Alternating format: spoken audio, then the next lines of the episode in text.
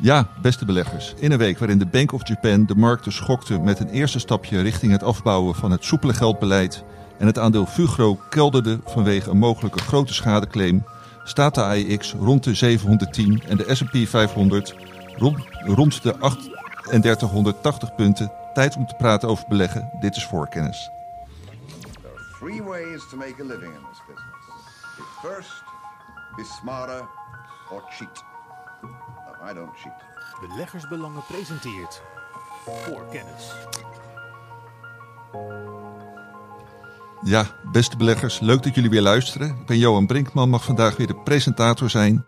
Vandaag de gast bij mij hier in de studio Menno van Hoven en Stefan Hendricks. Met uh, hen ga ik, hoe kan het ook anders in deze tijd van het jaar, terugblikken op 2022.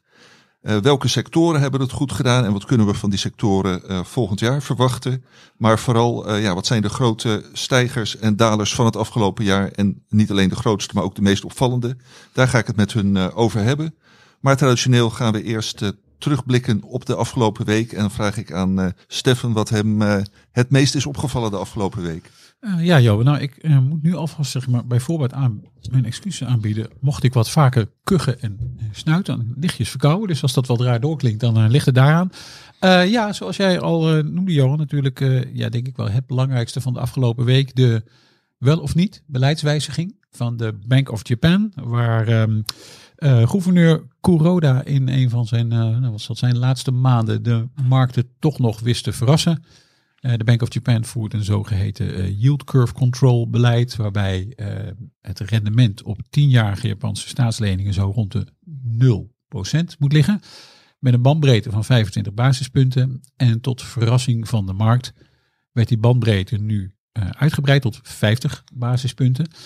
Um, volgens de Bank of Japan was daar geen sprake van een monetaire beleidswijziging, maar was het eigenlijk een, um, uh, een, een, een, een, maatregel om de houdbaarheid van het verruimende monetaire beleid te vergroten. Zoals de Bank of Japan zelf zei.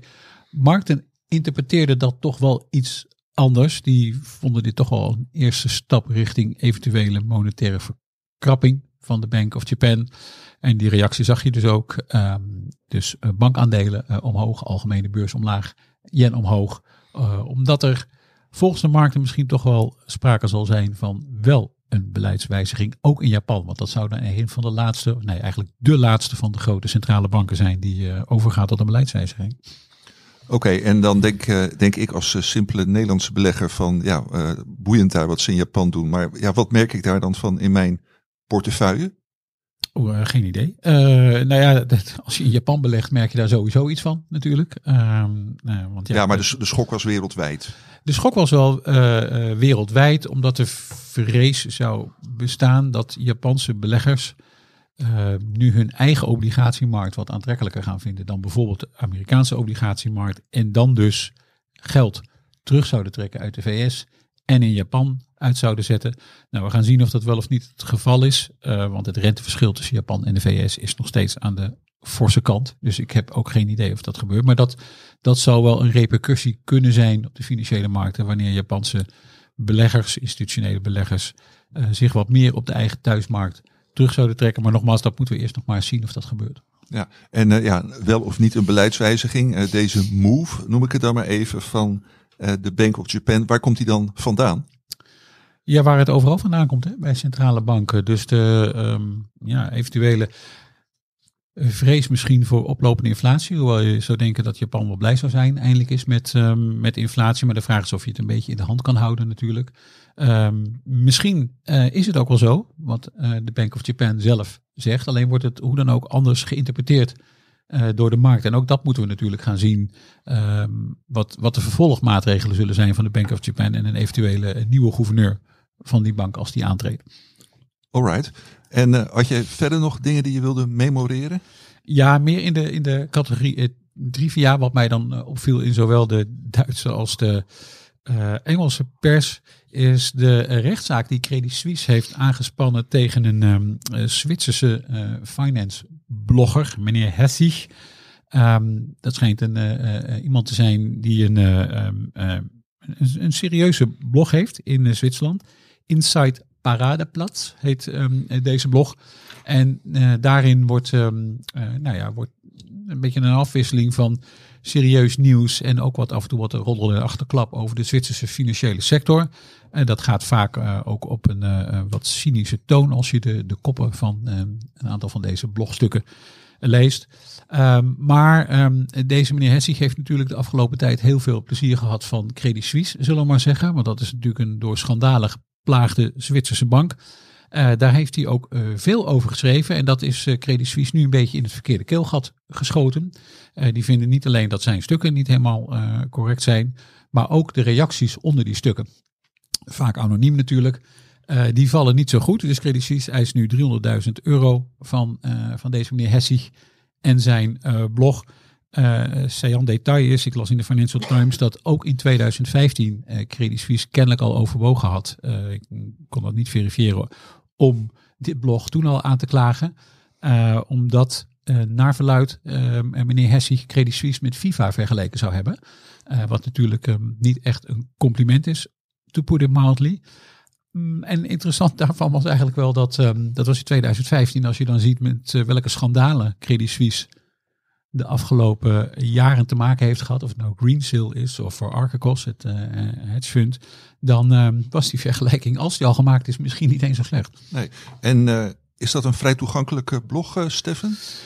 ja, nou, het, het, ja, je kan het inderdaad gewoon vinden, maar um, ik had er zelf nog nooit van gehoord. Nee. nou, we kunnen hem in de show notes zetten. Misschien ook wel leuk voor onze luisteraars om daar eens kennis van te nemen. Ja, als het nog open is, denk ik. Ja, ja nee, inderdaad. Moet u snel zijn, luisteraar. Nou, hartstikke mooi. Menno, wat waren de meest opvallende zaken die jou afgelopen week opviel? Uh, nou ja, ik kijk uh, altijd vooral naar individuele aandelen, grote uitschieters. Uh, wat we zo meteen ook gaan doen voor dit jaar. op weekbasis in dit geval, een hele opvallende stijger was Nike. eindelijk heb ik met hoofdletters hier op mijn papiertje staan een dikke plus. Heel de sector mee omhoog. ook Adidas. ja, we kennen ze allemaal. Steffen komt er zo ook nog met eentje. die precies in die hoek zit. Die ook heel veel met Adidas te maken heeft. En uh, ja, voor Nike uh, was heel veel natuurlijk uh, recessieangst. Um, consumenten geven ze wel uit, kopen ze wel nieuwe schoenen, et cetera. En Nike boekt gewoon de beste omzetgroei op kwartaalbasis in de laatste tien jaar. Dus nou ja, dat veel overtuigender dan dat kan het niet. Koers knalde dus ook omhoog. Ja, Nike vooral heel sterk in de Verenigde Staten. daar groeide het 30%. In China vorig jaar nog 16% door die lockdowns. nu was dat nog slechts 3%. Was ook veel beter dan verwacht. voorraden lopen terug.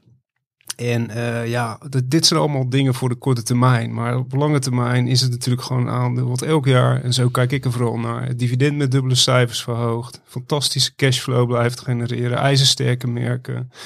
En uh, ja, je ziet het, kwaliteit, uh, uiteindelijk komt het wel weer goed. Uh, wil niet zeggen dat voor de komende kwartalen dat het doorzet. Dat blijft allemaal een beetje gissen, gezien de grote onzekerheden nog altijd.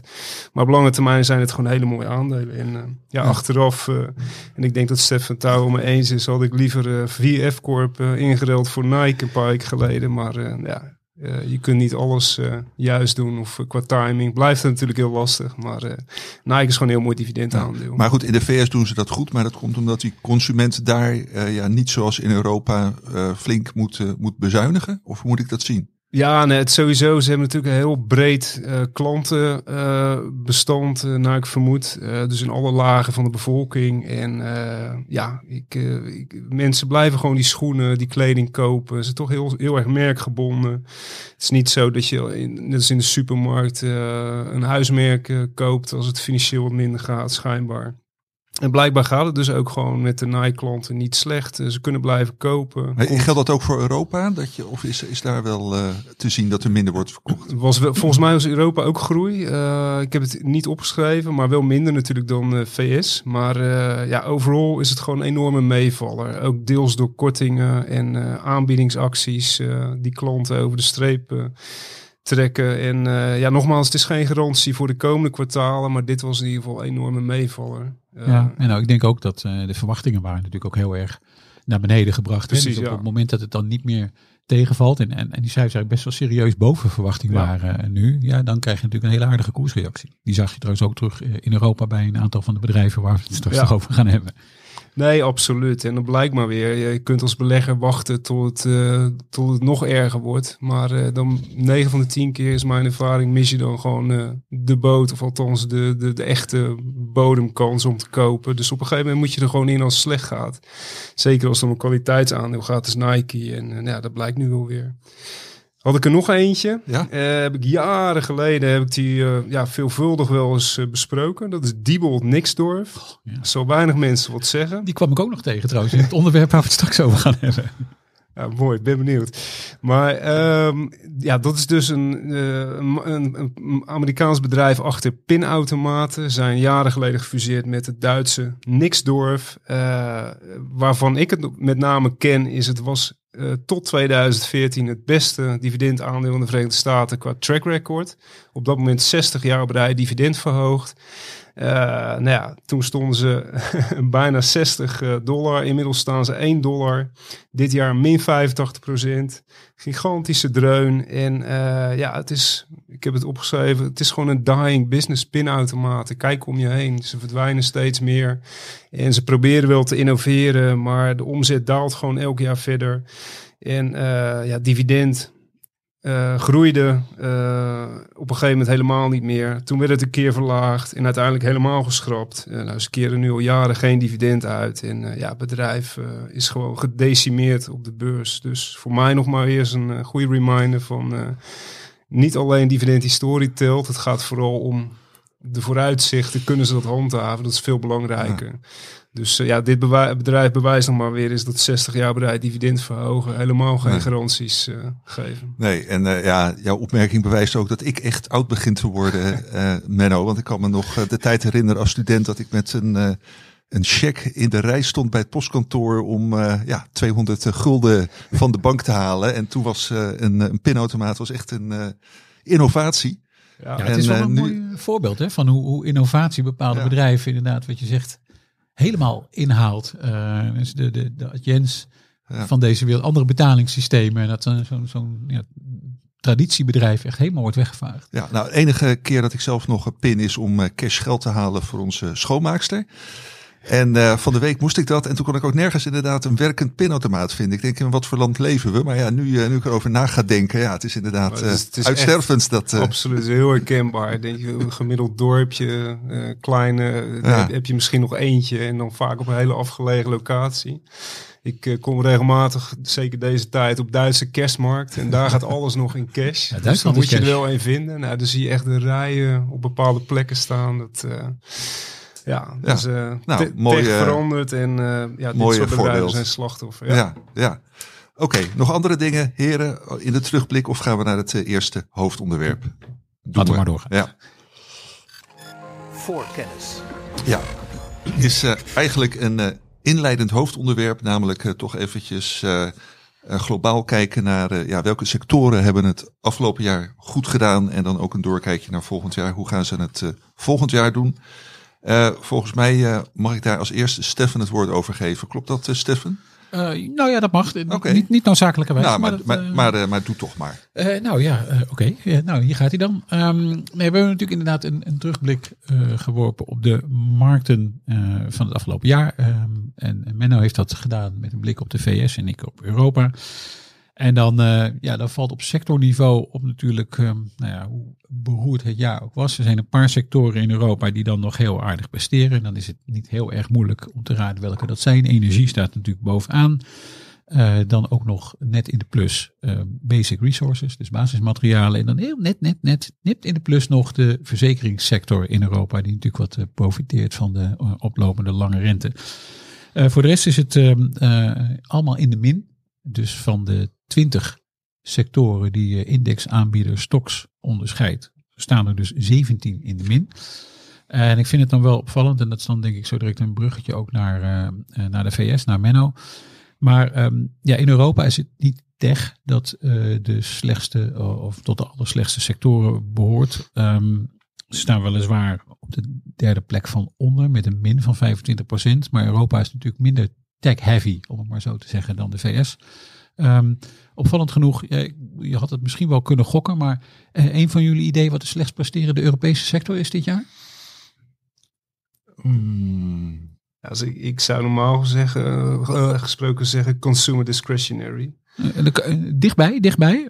retail is dat dan voor Stocks. die staat op de ene onderste plek. Okay. Ja, vast, vastgoed doet het ook niet goed. Nou, uitstekend Johan. Okay. Jij, jij, nou, jullie hebben eigenlijk jullie allebei dus. Want jullie hebben allebei de twee, de twee onderste geraden. okay. vastgoed, bijna min 40 ja, ja. dit jaar. En dat is wel opvallend. Want dat is eigenlijk een, wat mij betreft een, een bruggetje naar de VS. Daar doet vastgoed het ook niet goed. Maar uh, wel 10 procentpunt zeker beter dan uh, in Europa. En dat vind ik dan toch wel weer opvallend. Oké, dus dat uh, wat betreft de, de goed scorende en slecht scorende sectoren in Europa. En wil je dan gelijk zeggen, Stefan, hoe jij dat deze sectoren voor volgend jaar, volgend jaar ziet presteren? Of doen we dat op een, op een later moment? Nou, dat kun je misschien op een later moment doen. Misschien dat ik nog één ding kan zeggen op, op wat meer subsectorniveau. En dan komen we er straks ook nog wel op terug als we het over individuele aandelen gaan hebben. Dan valt op hoe goed defensieaandelen, in ieder geval natuurlijk in de industriesector, uh, in Europa presteren. Dus het zijn niet alleen uh, olie- en gasgerelateerde aandelen die in de top 10 staan van best presterende, maar ook vier defensiebedrijven. En dat is natuurlijk ook opvallend. Ja, ik las gisteren trouwens een stukje in de krant, maar jij zal het ongetwijfeld weten, dat uh, nieuwe tanks die onder meer door Rijnmetaal zijn geproduceerd, de Puma's, dat hier niet zo fantastisch schijnen te doen. Uh, nee, nee, dat is uh, schrot, las ik in de Duitse pers daarover. Dus dat is niet echt een compliment. was ook even schrikken voor mij als aandeelhouder van Rijnmetaal, want ze gingen toch van, nou wat was het, een kleine 200 helemaal terug naar 103, 184. Staan volgens mij inmiddels wel weer 193. Mm. Ja, dat klopt. dus in, in, in oefeningen functioneerde een aantal van die tanks niet. Nou, dat is natuurlijk nogal pijnlijk, waardoor het Duitse ministerie van Defensie uh, natuurlijk heeft gezegd tegen uh, en Kraus Maffei, want dat is de andere producent, deelnemer aan die Puma tanks. Ja, je moet die zaken wel gaan oplossen. En, als het niet opgelost is, en dat moet heel snel gaan gebeuren, dan, ja, dan gaan die orders sowieso vertraging oplopen. dat maakt mij, en het is wel goed dat je erover begint, ook wel um, ietsje voorzichtiger voor Rijmetaal. Niet alleen met betrekking tot deze orders, want dit is natuurlijk gewoon pijnlijk hè, dat die tanks het, uh, het niet doen. Het maakt het Duitse leger nog weer een beetje uh, belachelijk. En het staat in Duitsland natuurlijk al niet super goed aangeschreven op dit moment. Maar um, Rijmetaal wacht ook nog op een aantal hele grote orders. Niet alleen in Duitsland, maar ook nog een uh, order van ongeveer 4 miljard euro die mogelijk komt van het Australische ministerie van Defensie. En die kijken natuurlijk ook mee. En op het moment dat zo'n order niet door zou gaan als gevolg van productieproblemen van bepaalde voertuigen, ja, dan kan dat wel uh, vervelend worden voor Rijnmetaal. Uh, aan de andere kant staat wel tegenover dat um, de orders voor munitie, ja, die blijven maar binnenkomen. Dus dat was ook deze week weer een order voor een paar honderd miljoen die in één keer binnenkomt. En dat blijft echt de komende maanden en kwartalen nog wel doorgaan. Ja, nou de vraagkant blijft helaas nog wel intact. Ja. Menno, wat waren de opvallende sectoren in, in de VS? Ja, ik denk grotendeels vergelijkbaar met Europa. Ook hier of, heb ik naar de S&P 500 gekeken. Uh, de sector energy, waar dus alle olie-gasbedrijven onder vallen, plus uh, 37%. Echt een grote uitschieter. En dan kijk je ook bij de grootste stijgers uh, dit jaar. Ja, het zit vol van de oliebedrijven, maar ook olieservicebedrijven, refiners, dus raffinaderijen. Het is echt een hele sector die eigenlijk wel naar een aantal hele slechte jaren. Vorig jaar was ook goed dan, maar daarvoor deden ze eigenlijk jarenlang helemaal niks. Uh, die gewoon totaal weer uh, omhoog schiet. Dat zie je trouwens ook terug bij de dividenden die uh, ja, explosief stijgen in veel gevallen. Vaak door extra speciale uitkeringen die naast een gewoon dividend worden gedaan dit jaar. Uh, nou, ook de sector basismateriaal is een uitblinker. Uh, opvallend vond ik wel uh, dat industrials gemiddeld in de plus staat in de Verenigde Staten. Natuurlijk consumer staples, de levensmiddelenbedrijven die het heel goed doen. En ja, in negatieve zin, consumer discretionary hadden we het al over. Valt natuurlijk ook een Nike onder, hotelketens, reisbureaus restaurantketens, dat soort uh, uh, ja, inflatiegevoelige uh, ondernemingen die daarin zitten. Maar de slechtste sector was communication services. Dus niet technologie. Een aantal jaren geleden, volgens mij uit mijn hoofd, hebben ze in de VS al die sectoren opgeschud. 2018 volgens mij. Precies, kijk, ik wist dat jij daar meer over wist. Heel goed. Dankjewel, Stefan. En is er, is op dat moment een nieuwe sector bijgekomen, communication services. Dus eigenlijk de techsector is uit elkaar getrokken. En onder die communication services valt dan onder meer een Disney, een Netflix. En dat zijn aandelen die het heel slecht doen dit jaar. En uh, ja, dat verklaart dus het slechte rendement van 18% negatief uh, voor die aandelen gemiddeld. Ja, en wat ik wel zelf heel interessant vind, Energy doet het dit jaar heel goed. Maar ik heb natuurlijk ook even gekeken naar wat hebben ze nou gemiddeld gedaan over de laatste jaren. En dan zie je gewoon Energy nog steeds onderaan het lijstje bungelen qua rendement. Dus het is een heel goed jaar. Maar langere termijn blijft het gewoon een van de slechtste sectoren. En dan zie je juist dus dat consumer discretionary uh, dit jaar nou, de één na slechtste. Uh, dat die juist uh, tot een van de beste behoort uh, op langere termijn. En tech is gewoon verre, verreweg de beste sector in de VS over vijf jaar. Met nog steeds 130% rendement. Uh, ondanks een heel slecht jaar uh, dit jaar voor tech, veel techbedrijven. Er zitten natuurlijk hele zwaargewichten bij. Amazon, Apple, die heel dominant uh, op dat rendement wegen. Maar het, is, ja, het zegt toch wel wat. Het is een slecht jaar voor technologie, maar als je vijf jaar terug gaat kijken, doe je het nog steeds heel goed in die hoek. Dus dat eigenlijk. Ja, in, in alle opzichten dus een, een bijzonder jaar en ja. tegenovergesteld zoals de afgelopen jaren. Precies, ja. En kunnen we daarbij dan de vraag aan de orde laten komen van hoe jullie zien globaal hoe deze uh, sectoren uh, ja, volgend jaar gaan uh, renderen? Ik, nou, als ik puur kijk naar, en dan koppel ik het ook aan de dividendportefeuille. Sowieso op 12 maands basis ja, kan denk ik nog steeds niemand voorspellen wat het goed gaat doen en wat het niet gaat goed gaat doen. Je kunt er wel mening over hebben, maar ja, blijft te, van te veel factoren afhankelijk waar je nu nog niks van af weet. Dus ik kijk er vooral lange termijn naar. En ja, dan zie ik toch wel in de hoek van technologie, uh, consumer discretionary en ook medische technologie. Dat zijn wel sectoren die hard afgekomen zijn. Vaak mooie groeicijfers naar de lange termijn laten zien. Uh, groei in dividend, sterke balansen.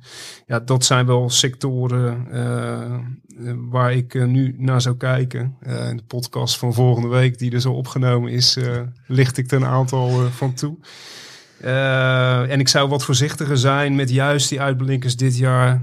energy, uh, ja, zitten nog steeds mooie aandelen bij, maar die, koersen zijn hard opgelopen. Geldt ook voor veel farmabedrijven. Ja, die veel noteren rond een hoogste koers ooit. Dan zou ik persoonlijk liever nu gaan vissen in de medische technologiehoek, waar juist veel grote dalers zitten. En ja, wat gewoon ook hele mooie aandelen zijn met een maar dan ga je, nog sterkere dividendgroei. Ja, maar dan ga je dus uh, inspelen toch ergens op de komende tijd. Of dat nou de komende twaalf maanden is. Of daarna dat gewoon die markten weer gaan draaien. En sectoren die nu hard zijn afgestraft. Uh, ja, het, uh, het weer beter gaan doen. Nee, precies. Dat, kijk, voor de dividendportefeuille zitten we altijd in de markt. En herbeleggen we dividend. Dus kopen we automatisch bij. Maar ja, al zou ik nu een nieuwe positie moeten openen. Zou ik het wel in die hoek zoeken. Ja. Ja, maar ik ben wel met uh, mijn eens. Een aantal van die aandelen, bijvoorbeeld medische technologie, die zijn natuurlijk enorm hard naar beneden gekomen. Ook omdat die tijd lang zo populair waren dat de waardering ervan echt enorm hard is opgelopen. Dus uh, nou ja, uh, mijn persoonlijke favoriet Thermo Fisher noteerde ook ongeveer tegen de 30. Maar er zijn ook een heleboel andere, IQVIA bijvoorbeeld, die, die bedrijven die in dat soort hoeken zitten. die ook 30, 40 keer de winst noteerden. Ja, die, ja, soms wordt dat gezegd van de lucht is eruit. Ja, hoe je het ook uh, wilt noemen. Maar in ieder geval uh, de, de, enorme hoge waardering is eruit. Ja, dan kom je er wel weer tegen een uh, aantrekkelijker waardering kun je erin stappen. Want het zijn inderdaad vaak hele mooie bedrijven met groeiende eindmarkten. en inderdaad een ongelooflijk cash genererend vermogen. Oké, okay, uh, helder. En uh, nou ja, zoals Menno al verklapte, gaan we in de podcast die volgende week wordt uitgezonden. En die Menno en Karel en ik vanochtend hebben opgenomen, gaan we verder in op ja, wat de, de beste concrete beleggingstips voor volgend jaar zijn. we gaan nu naar het volgende hoofdonderwerp. Voor kennis. En nou ja, dat zijn leuk onderwerp, de, de winnaars in de, in de VS en de winnaars in Europa. En uh, nou, daar hebben jullie allebei wat uh, uh, van uitgezocht, Menno en Steffen. Ehm, wat, eh, eh, wie van jullie weer, wil hierover het eerst het woord eh, voeren? Oh, ik me- ja? Een en al beleefdheid hier aan tafel. Ja, dat, eh, eh, zeker. Na ik u, moet na mijn u. laptop weer even opstarten. Oh, Oké, Oh, nee, oké. had ik even niet opgerekend, maar dat maakt niet uit. Sorry, Eh, nee, dat trap ik gewoon af. Ehm, eh, dan, dan trap ik eraf met één. Dan mag jij daarna een, een, een volgende Amerikaan behandelen. Want Yes. ehm, zoals men al zei, heeft hij naar de VS gekeken en ik naar Europa. En dan specifiek eigenlijk de aandelen uit de Stocks Europe 600. Een, een brede index van relatief grote Europese aandelen. Er zijn natuurlijk altijd uitschieters te vinden in kleinere eh indices. Dus een, eh, in Frankrijk zag ik dat eh, een, bedrijf, een dochteronderneming van, van ExxonMobil, die geloof ik 300% was gestegen. Maar ik heb me beperkt tot, tot de Stocks Europe 600 index. Nou, wat ik net al zei, vier van de tien aandelen uit de top 10 van die index. dat waren aandelen uit de defensiesector. En bovenaan, tot mijn eigen tevredenheid, maar met een zwart randje, zeg ik er altijd bij, eh, staat helemaal bovenaan Rijnmetaal met een plus van eh, 125 procent. Nou, dat, de, de reden mag duidelijk zijn. Eh, oorlog in de Oekraïne heeft voor die sector echt alles veranderd. Maar goed, we hebben, schrijven al wel vaker over eh Rijnmetaal. Dus die laat ik even zitten. Dus ik ben gegaan naar de nummer twee van de lijst. Ehm, en dat is ook een defensiebedrijf, maar dan eentje die ik eigenlijk nog helemaal niet zo op de radar had staan. Want we hebben in het verleden natuurlijk ook wel aandacht besteed bijvoorbeeld aan eh, Thales en volgens mij zelfs ook Menno aan Dassault, als ik me eh, niet vergis. Eh, BAE Systems natuurlijk. Maar dit is het Zweedse Saab. En Saab dat doet natuurlijk meestal een belletje rinkelen van was dat niet ook een auto? En dat klopt, tot 1990 zaten die bij elkaar en toen heeft General Motors die productie overgenomen. Maar Saab is toch echt een, ehm, een defensiebedrijf met een, ehm, een omzet van eh, eh, 28,2 miljard kronen over de eerste negen maanden van dit jaar. Dat is 2,6 miljard euro ongeveer. Een operationele winst van 178 miljoen euro. Nou, dat is op zich allemaal mooi natuurlijk. Het gaat eigenlijk meer om de groeimarkten van eh, dat Saab. Want ook voor Saab heeft natuurlijk de oorlog in Oekraïne alles veranderd. En misschien nog wel meer dan voor een aantal andere defensiebedrijven. Misschien nog wel meer dan bijvoorbeeld in BAE Systems. Ehm, want eh Saab haalt ongeveer een procent of 40 van zijn omzet de Zweedse thuismarkt. En door de oorlog in Oekraïne zijn Zweden en Finland, zou je kunnen zeggen, bijna in de armen van de NAVO gedreven. En dat betekent ook weer dat defensieuitgaven daar zullen stijgen. En dat komt natuurlijk ook Saab ten goede.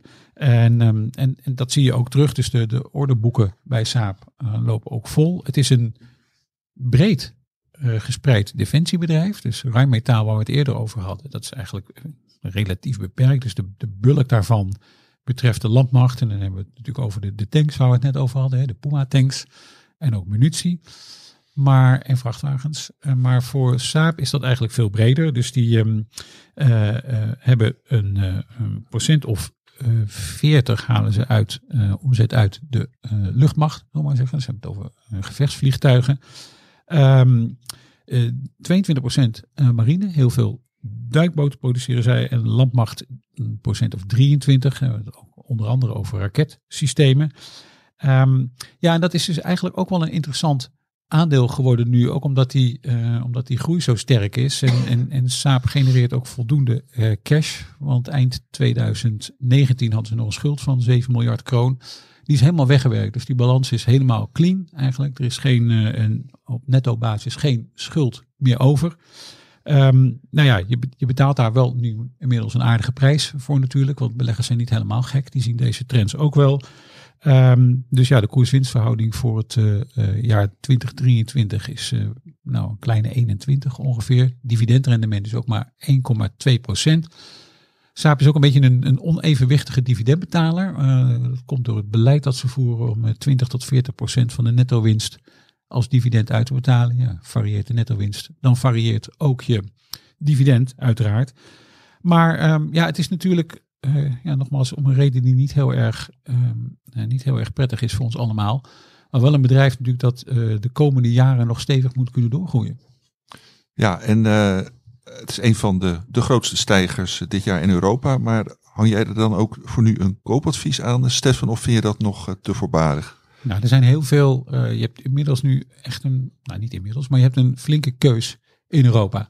als het gaat om eh, defensiebedrijven. Dus je kunt zeg maar de, de, breed georiënteerde doen. Dan heb je bijvoorbeeld SAP, maar dan heb je ook BAE Systems, dat ik al eh, noemde. Nou, BAE zit in onze hoogdividend portefeuille. Ehm, je hebt Rijnmetaal, natuurlijk gespecialiseerde partij. Henselt, uh, die uh, bijvoorbeeld radarsystemen maakt en nachtkijkers. Dus er, is ontzettend veel te kiezen in Europa van bedrijven die misschien ook wat uh, goedkoper zijn. Maar um, ja, dit is wel een aandeel dat nu ook weer op mijn, dit is geen flauwigheid, maar op mijn radar is gekomen. Nee, toch moet ik erom lachen. het, is een, het, is een het is een leuke woordspeling. Menno, Amerikaans stijgertje doen?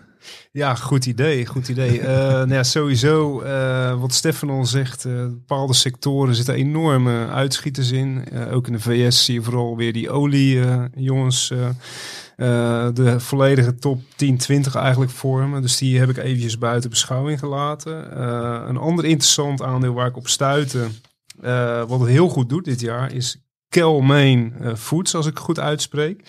En uh, wat doet het bedrijf? Het is de grootste eierproducent in de Verenigde Staten. En uh, ja, die hebben een werkelijk fantastisch jaar. Uh, er zijn door de verschillende ziektes, ik ben er geen expert in, Asian flu, bird flu, zoiets, zijn er minder legkip in de Verenigde Staten. Terwijl de vraag naar eieren juist sterk groeit. Uh, wat je dan ook ziet is dat ze als grootste speler, uh, ja, uh, hebben ze enorme prijskracht.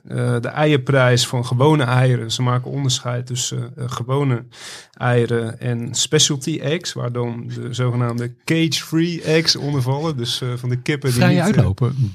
precies, inderdaad. Maar ik vond dit wat mooier omschreven. Zeg. Uh, dus de gewone eierprijs is met 89% gestegen. Uh, terwijl de, ja, de, de, de, de, nou, om, om Stefan maar aan te halen, de vrije uitloop-eieren, uh, die daarvan stijgt, daarna stijgt de vraag enorm. vormt inmiddels 33% van de omzet van Comain Foods. En ze investeren ook ja, flink, natuurlijk ook onder ESG-druk, in ja, betere omstandigheden voor die kippen. En de consument die was lange tijd bereid daar meer voor te betalen. Maar wat je dus in het laatste kwartaal ziet, is wel interessant. Is dat de gewone eierprijzen, uh, ja, die dus 89% zijn gestegen ten opzichte van vorig jaar qua prijs. Die zijn nu bijna net zo duur als die specialty eggs. Dus uh, ja, dat, daar zie je wel het hele stukje inflatie, uh, uh, besparende consument in terug. ze kopen meer eieren, maar dan kiezen ze wel voor die goedkopere. En ze zijn niet bereid om fors meer te gaan betalen voor die vrije uitloop. Ja. maar Menno, Menno, help me even, want dat, dat er dan nu door omstandigheden minder aanbod van eieren is, dat, dat, dat kan ik geloven. Maar waarom is dan in de VS en elders ook in de wereld opeens veel meer vraag naar eieren? Uh, nou, dit specifiek hier gaat het om de Verenigde Staten. Uh, ja, uh, geen idee eigenlijk. Het, sowieso, de, de, de, de grootste deel van de omzetstijging wordt wel gedreven door die prijsverhoging natuurlijk. Maar mensen ja, willen ook gewoon consumeren meer eieren. Misschien komt het ook uit de horeca, die natuurlijk weer heropend is. Dat daar een ja. stuk in zit. Uh, ja, of als vervanger voor vlees misschien, maar... Uh, nou, dat, uh, is, dat is inderdaad wel interessant. Daar kom ik zo op. Dat is een hele goede van je. Ik ben dat niet tegengekomen bij de, bij de presentatie van de laatste cijfers die ik door heb gekeken. door heb gekeken. maar ik kom daar zo nog op terug met een ander aandeel. maar goed, eventjes nog verder op Coleman Foods. Ik voel er eentje aankomen, maar ik... Ja, ja bij de grootste dalers. Maar, precies. Uh, ja, ja, maar goed, maak je ja, verhaal dat, vind, af, dat zou ik heel knap van je vinden trouwens. Oké, okay, nou dan... Uh... ja, gooi het er dan gelijk maar uit. Nou, Beyond Meat? Ja, precies, nou, inderdaad. ja, die ga ik Ik geef mezelf, luisteraar, even een schouderklopje. Nee, dat vind dat... ik inderdaad heel goed. Heel goed. Ik, ik had die link niet gelegd nog. Oké. Okay.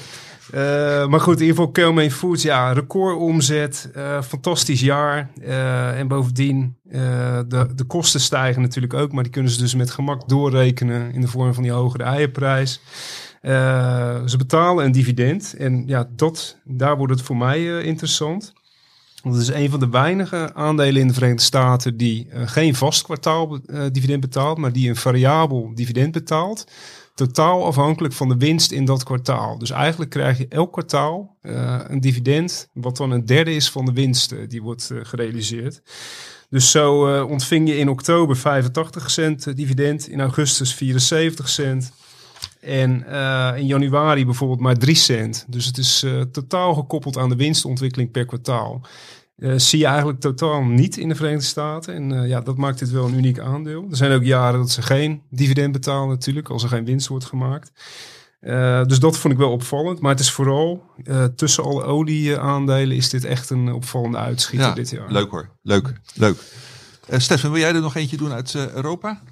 Ja, zeker. Eh, en ook wel weer een eh, opvallende, een beetje aansluitend op wat Menno net zei. Ehm, want ik heb natuurlijk naar die top 10 gekeken van de eh Stocks Europe 600. Wat ik al zei, de, het natuurlijk gedomineerd de defensie. En daarna komt olie. Nou, dat snappen we op zich allemaal. Maar ik kwam daar ook eh, het Duitse aandeel Extron eh, tegen. Eh A-I-X-T-R-O-N eh, schrijf je dat.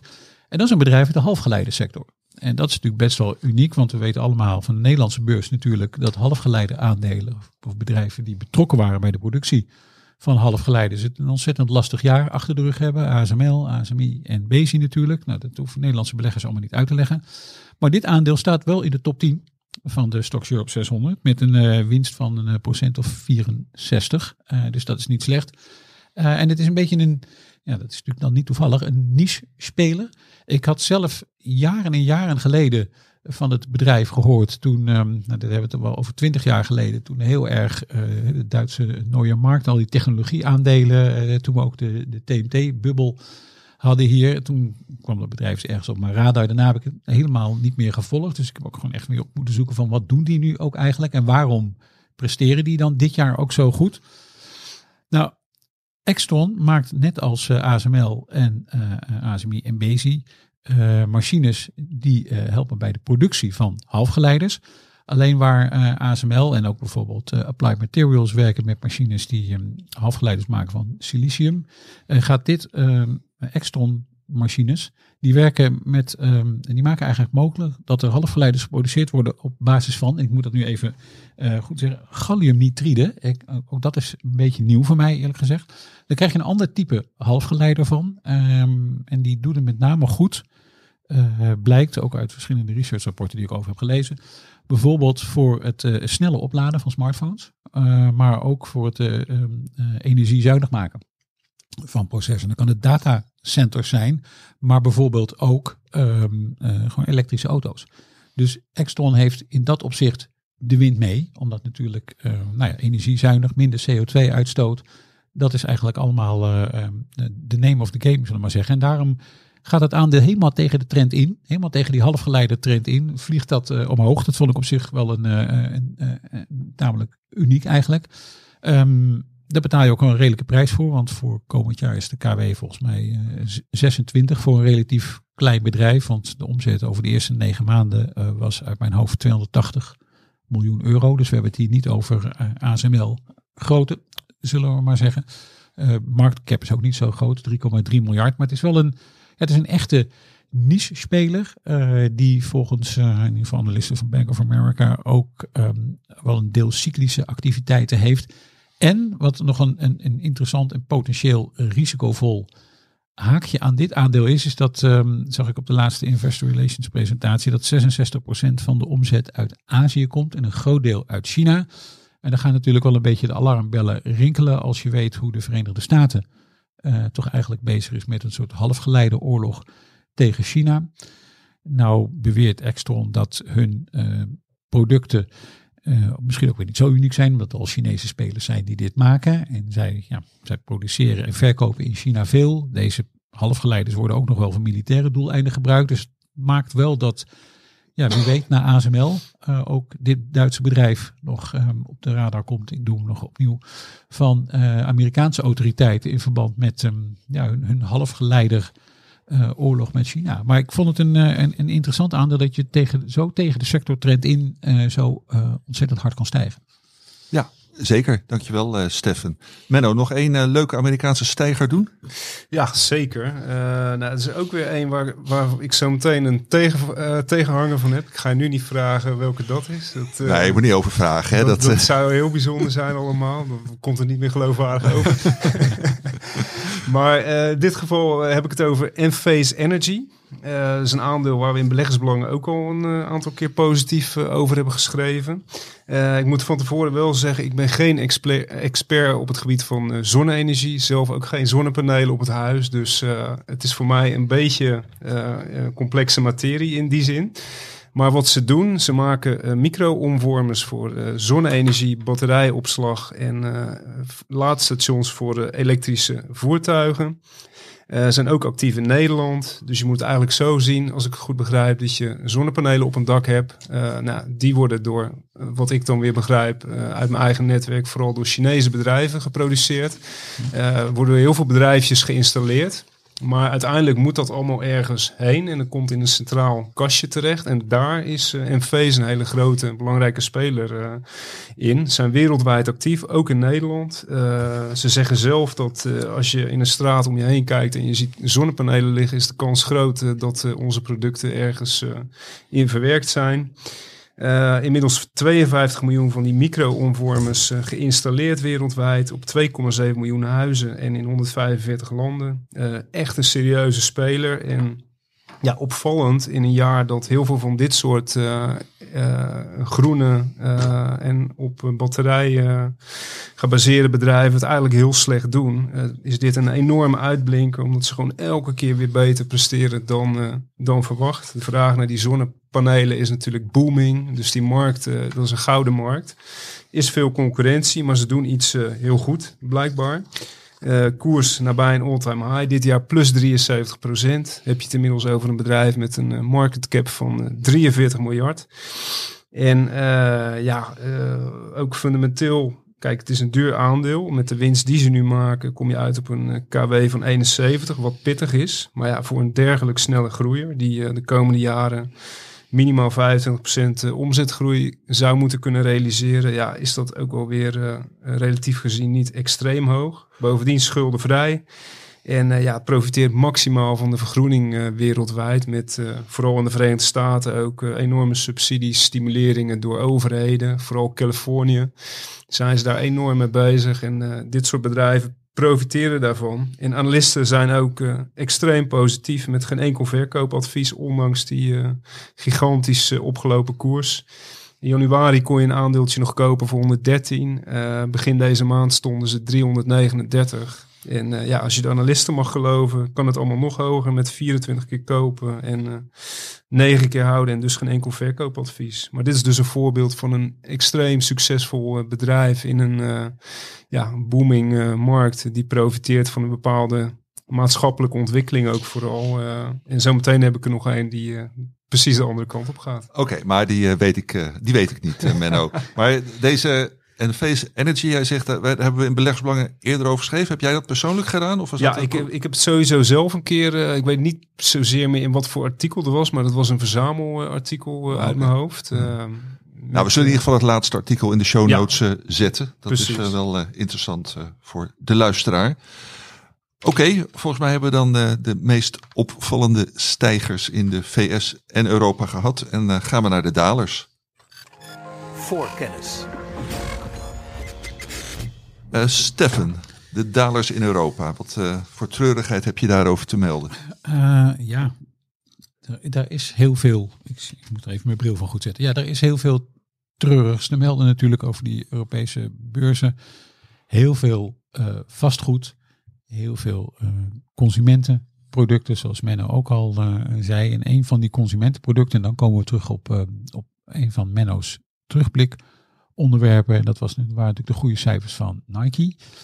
Um, en dat bracht mij bij Puma, een van de concurrenten van Nike. Niet, uh, niet te verwarren met de tanks? Uh, zeker niet te verwarren nee, nee. Met de tanks. De website ziet er ook heel erg anders uit. Ja, dus dat, um, maar inderdaad, het is een, uh, zullen we zeggen, ongelukkige samenloop van omstandigheden. Puma is niet de allerhardst gedaalde uit de stok 600, maar ik heb hem wel uitgenomen dat het een opvallende daler is. min 48 procent dit jaar, dat is toch wel stevig. Nou ja, uiteraard het uh, consumentensentiment, nou, waar we het al eerder al over hadden, die aandelen zijn natuurlijk allemaal heel erg hard afgestraft.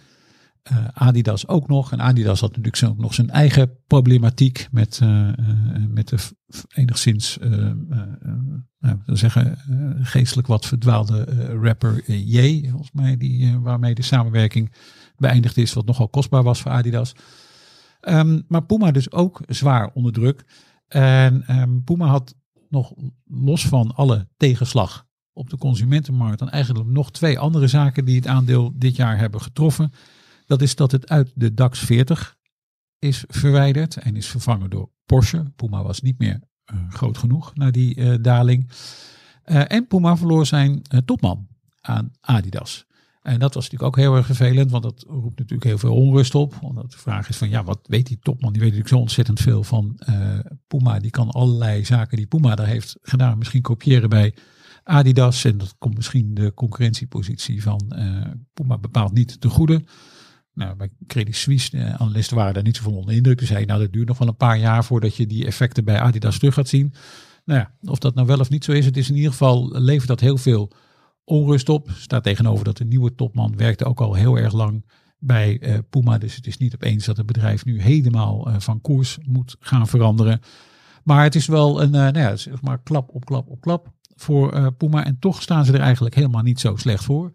Uh, ze werd ook netjes bij de derde kwartaalcijfers werden de uh, doelen voor heel 2020 herhaald. Ja, en na die koersklap noteert um, Puma tegen een, nou, een KW volgens mij van 21 voor 2023. Daar waar Adidas tegen 27 bijna noteert. Nike zal ongetwijfeld, kijk ik even met een schuin oog naar Menno, 30 plus. Ja. 30 plus zijn. Ik wilde zeggen zeker meer dan dat. En dus 30 plus is ook zeker meer dan dat. Uh, wil ik niet zeggen dat Puma helemaal dezelfde kwaliteit heeft misschien als uh, Nike. Maar de, de korting is wel heel erg fors. Dus ook dit is wel een aandeel wat dan heel erg is afgestraft. Wat dan toch wel ergens weer mijn uh, interesse wekt nadat ze een jaar zoveel klappen hebben gehad. Ja, leuk voorbeeld ook. Uh, Menno, we stomen door naar een leuke Amerikaanse daler. Of leuk, leuk. Uh, een opvallende Amerikaanse daler. Nee, precies. Nou, eentje die er echt uitspringt dit jaar. En dat is een aandeel wat de afgelopen jaren volledig bewierookt is door analisten. Die gewoon tot september allemaal uh, kopen adviseren. En ik moet er gelijk bij zeggen, ik heb dit jaar, uh, dit aandeel eerder dit jaar zelf ook helaas getipt. En sindsdien is het echt hard afgekomen Nu nog. maak je me wel nieuwsgierig. ja, nee, het gaat om Generac Holdings. het is de een van de grootste producenten van generatoren in de Verenigde Staten. En dan moet je denken, uh, de grootste klantgroep, uh, dat zijn particulieren. Uh, die in de VS dus zo'n unit kopen van Generac. die ze aan hun huis vastmaken. Dan heb je het niet over die hele grote, bonkende, stinkende diesel dingen die je op bouwplaatsen ziet. Die maken ze ook. Maar dit zijn relatief kleine units, variërend van 2000 tot 8000 dollar per per stuk, die je dan gewoon aan je huis uh, vastmaakt, aangesloten op gas of op propaan. En mocht de stroom dan uitvallen, dan heb je een backup. Uh, nou, dat was booming business. Is het eigenlijk nog steeds wel, maar uh, ja, de, de, de dreiging van schonere alternatieven, die is gewoon groot bij dit bedrijf. Dus de afgelopen jaren zijn ze flink gaan investeren in alternatieven, onder meer zonne-energie. onlangs hebben ze nog iets met fuel cells, waterstofcellen. Uh, gedaan. Uh, eigenlijk al, allemaal om ja, die, uh, weg, weg te gaan uit die, uit die niet groene diesel- en gasgeneratoren. wat op lange termijn natuurlijk onder druk komt te staan, normaal gesproken. Op zich goede actie van het management. Zei het dat ze een paar hele slechte overnames hebben gedaan. En bovendien ook problemen hebben verzwegen naar de markt toe en vooral naar consumenten. Uh, nou ja, ze hebben een zonne-energieovername gedaan en uh, bleek dus dat daar iets uh, in, dat, in dat product wat in duizenden huizen is, misschien honderdduizenden huizen is geïnstalleerd, bleek iets fout te zijn, waardoor de boel in de fik kon vliegen. Hebben ze stiekem een upgrade voor gedaan, schijnt, zonder dat te melden, om op die manier het probleem uit de, weg, te weg, te helpen. En wat je nu dus ook ziet, al kijk je bij dit aandeel in de, da- bij de dataleveranciers die wij gebruiken voor ons werk, dan zie je gewoon eerst 100 uh, rechtszaken, aanklachten tegen het bedrijf. Allemaal ja, om deze materie. Eh, de koers is helemaal in elkaar eh, gestampt. Eh, ja, de rechtszaken stapelen zich op. En eh, er zijn ook andere bedreigingen voor dit bedrijf. Eh, er is een start-up Moxion, eh, onder meer ondersteund door Amazon en Microsoft. Die maakt generatoren op basis van schone energie met eigen batterijsystemen. Is een bedreiging, hoor je steeds meer in de markt. En een andere bedreiging, dat zijn elektrische auto's, waarbij je een, zogenaamd bi- of bidirectional charging eh, technologie hebt, waardoor je dus de batterij van je auto kunt gebruiken als backup stroom voor je woning. Dus dat zou die generatoren van Generac een stuk minder interessant maken, of in ieder geval, eh, ja, dat op, op lange termijn is dat een, eh, een bedreiging voor het bedrijf. Nou ik zei het al, analisten waren eigenlijk altijd laaiend enthousiast. En het bizarre is, al kijk je ook naar de koers van dit aandeel. Eh, vorig jaar plus 55 procent, 2020 plus 126 en in 2019 plus 104. Gewoon bizar. Maar dit jaar gaat het dus helemaal de andere kant op. Min 74 procent.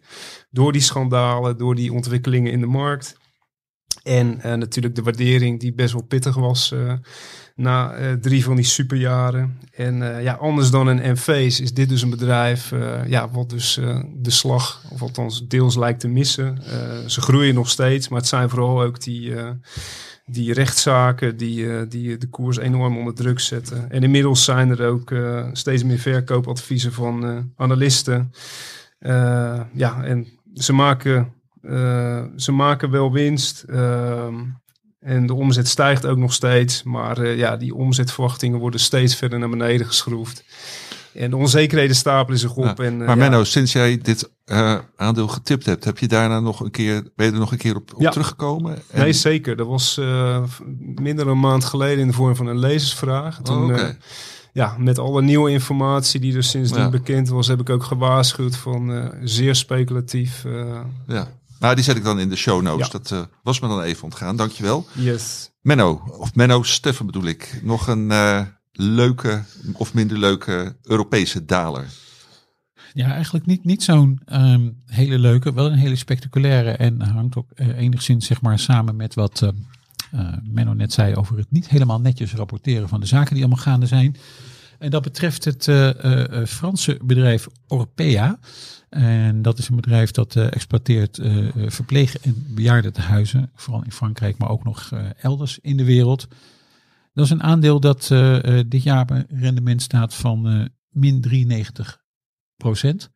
Een, een aandeel dat echt helemaal in elkaar is geklapt. En dat is allemaal misgegaan helemaal aan het begin van het jaar, in januari, met de publicatie van een boek in Frankrijk. En de Engelse titel daarvan is The Grave Diggers. En dan eh, denk ik uit die titel kun je al afleiden dat dat niet een heel complimenteus boek was voor dit bedrijf.